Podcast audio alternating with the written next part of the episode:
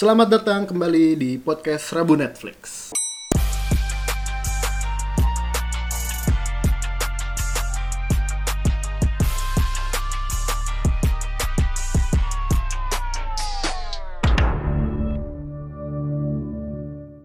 Ya, seperti yang sudah dijelaskan di episode perkenalan sebelumnya, jadi di podcast ini gue bakal ngobrolin soal film dan series yang tayang di Netflix. Di episode perdana ini mungkin gue mau ngomongin soal satu series yang ada di Netflix yang paling memicu kebahagiaan atau kalau pakai istilah dalam seriesnya dia ini adalah Sparks Joy. Kemarin ini gue nemuin satu series yang judulnya adalah Tidying Up with Mary Kondo. I have so much stuff. It's a never-ending battle to fight the clutter. With the baby coming, we got to get our stuff in order. We had to downsize from a four-story house to a two-bedroom apartment. I lost my husband. I don't know that I have everything it takes to get rid of his belongings. Hello, I'm Maria Kondo. 私のミッションは片付けによって世界をときめかせていくことです。Let's start tidying. This girl's no joke. This is amazing. Uh, We have too much stuff. It's official. It's so hard to let it go. I don't want to just, you know, dump it. I want to be thoughtful about it. Choose items that spark joy for you. Spark joy. it's not as easy as I thought it was gonna be. We're on board. We want to change. I just want it to be strong enough to change me. I can let it go. Arigato. I am going to figure out what sparks joy in my life. I can't believe you can touch the carpet. New day, new joy. Thank you for being here for us and wanting to help us. I hope you know how much this means to me. Here we go.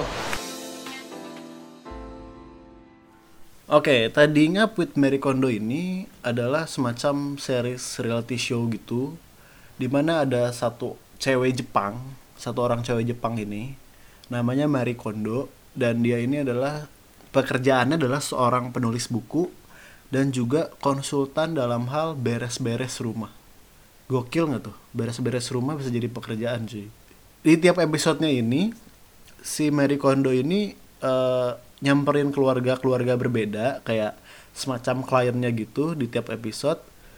Nah, setiap kliennya ini pasti dia punya masalah dalam beres-beres rumah. Jadi di tiap episode ini si kliennya ngasih lihat rumahnya yang berantakan dari mulai ruang tamu, kamarnya dia sampai garasinya tuh benar-benar ber- berantakan dan benar-benar dia kayak butuh pertolongan banget sama si Marie Kondo ini. Nah, Marie Kondo ini bisa dibilang adalah eh, seorang guru di bidang beres-beres nih. Jadi dia punya metode namanya KonMari method yang prinsip dia itu cukup menarik sih menurut gue. Jadi cara dia beres-beres itu adalah simpan barang yang memberikan kebahagiaan buat lu. Jadi tiap episode ini si Marie Kondo ini bakal nyuruh si klien-kliennya ini untuk ngumpulin semua semua pakaiannya, semua barang-barangnya dia di- ditumpukan gede dan dia ntar sortir satu-satu tuh. Sortir satu-satu, setiap barangnya dipegang, dia nanya, "Does it sparks joy?" Apakah barang ini bakal ngasih kebahagiaan buat lo atau mungkin dia bakal ngasih kebahagiaan buat orang lain? Ya pokoknya dalam satu episode ini biasalah si keluarga ini diajarin beberapa metode-metodenya si KonMari ini. Dia diajarin untuk milah-milah barang yang cocok untuk dipakai, yang masih memberikan kebahagiaan dan habis itu dia juga diajarin untuk ngelipet caranya gimana, nyortir barang-barang eh, tetek bengek tuh kayak gimana, nyortir barang-barang memo memorabilia tuh kayak gimana. Dan setelah itu si keluarga ini dikasih waktu beberapa minggu buat beres-beres dan eh, nerapin metode yang udah diajarin itu tuh. Nah di akhir episodenya si Mari itu bakal balik lagi dan ternyata ya beneran kliennya berhasil bikin rumahnya bener-bener rapi. Pokoknya beda banget 180 derajat dari sebelumnya. Oke, nah tontonan ini si Tidying Up with Mary Kondo ini menurut gua menarik sih karena eh, ini adalah salah satu alternatif series yang paling ringan untuk ditonton. Jadi kalau lo lihat eh, tontonan di Netflix series-seriesnya kayak Black Mirror, Orange is the New Black, Stranger Things, terus Narcos atau apalah. Jadi series-series itu mungkin bakal ngasih efek atau dampak psikis buat pikiran kita. Coba kayak lo nonton Black Mirror.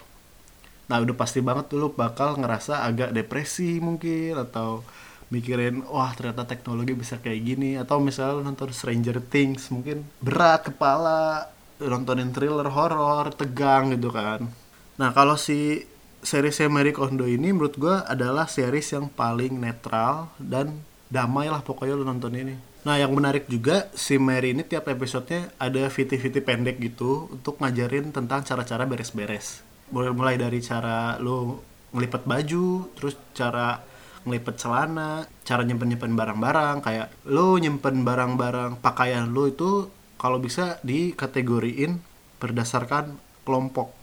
Kelompoknya terserah tuh mau kelompok warna atau kelompok baju pergi misalnya atau baju yang sering dipakai atau mungkin baju tidur gitu. Nggak tahu kenapa nonton ini tuh bisa jadi pilihan sih buat lu kalau lagi pengen santai, nggak banyak pikiran gitu. Dan mungkin influence positifnya lu jadi tertarik untuk ikutan beres-beres kamar juga gua gua ngekos nih ya gua gua kan dari Bandung uh, sekarang ngekos di Jakarta kamar ya uh, abis nonton si Mary ini gua sedikit-sedikit mencoba untuk beres-beres sih jadi kayak gue coba lipat baju dengan caranya dia terus uh, coba lihat-lihat barang apa nih barang yang udah nggak sparks joy buat gue apa. Habis itu gue sisih-sisihin. Nah habis gue nonton beberapa episode dari si Mary Kondo ini uh, gue agak penasaran nih sama si ibu ya mungkin Mary Kondo ini udah ibu-ibu kali ya. Gue akhirnya googling gue baca wikipedianya dia segala macem ternyata si ibu Mary Kondo ini sudah berusia 34 tahun dan udah aktif jadi penulis dan konsultan beres-beres ini sejak tahun 97 dan katanya mungkin dia dari kecil memang suka sama yang namanya kerapihan. Dan dia suka beres-beres. Jadi waktu kecil dia beres uh, mainan-mainannya dia beresin dia jajar-jajarin tuh buku-buku dia kategoriin segala macam udah dari kecil. Mungkin juga dia agak OCD sih ya kali ya dia udah bikin buku yang judulnya adalah The Life Changing Magic of Tidying Up. Jadi filosofi kerapihannya dia dia bagi ke orang-orang luas ini. Dia bagi ke orang-orang banyak melalui bukunya ini. Kayaknya udah ada juga sih di Gramet yang bahasa Indonesia-nya. Mungkin lo bisa cari juga di PDF PDF-nya di internet lah banyak. Beres-beres ini mungkin sangat erat sih untuk uh, setiap orang. Setiap orang nih pasti punya tempat tinggal gitu. Dan dia juga pasti setiap orang juga pasti kan ada impulsifnya gitu loh. Kayak lo beli barang-barang yang sebenarnya lo nggak perlu tapi lo beli gitu. Dan 9 bulan kemudian lo baru nyadar kalau barangnya itu nggak pernah lo pakai dan akhirnya numpuk jadi nyempit-nyempitin kamar gitu kan. Ini ada satu quote dari bukunya dia. Dia bilang selama ini kita selalu fokus pada menyingkirkan barang kita semestinya memilih apa yang hendak kita simpan bukan apa yang hendak kita singkirkan. Nah mungkin dari situ dia nemuin metode KonMari-nya dia untuk uh, memilah barang apa nih yang pengen kita simpan. Sisanya ya kita buang entah itu disumbangin atau gimana. Dan yang lucu dia punya apa ya kayak di series ini dia uh, dia mengajarkan kalau setiap barang tuh punya apa namanya uh, setiap barang ini punya emosi dan kesadaran sendiri. Jadi kalau misalnya lo mau buang baju lo yang udah lama sebelum lo buang lo bilang thank you dulu bilang terima kasih dulu sama, sama barang itu. Karena udah beri, memberikan manfaat selama ini. Thank you udah nganterin gua kerja thank you udah uh, nganterin gua ngedate. Thank you lah udah udah jadi baju gua selama ini. Abis itu goodbye gitu loh. Mungkin kalau kita tilik arti filosofisnya gitu mungkin si Marie Kondo ini mau nunjukin kalau dia pengen ngerenungin kalau manusia sama barang ini punya relasi loh nggak cuman benda mati doang gitu loh. Menurut gue Netflix bagus sih bikin series sama si Marie Kondo ini. Karena uh, dia kan awalnya dari buku gitu kan.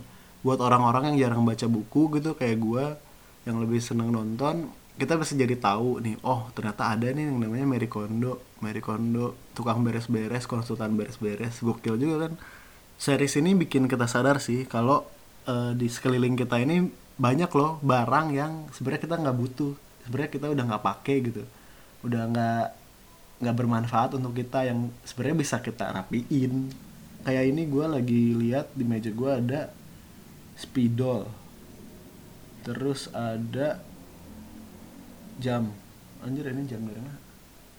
Terus ada tang ada obeng ada pulpen. Yang oh ada headset juga nah ini gua nggak tahu nih terakhir kali gue pakai headset ini kapan?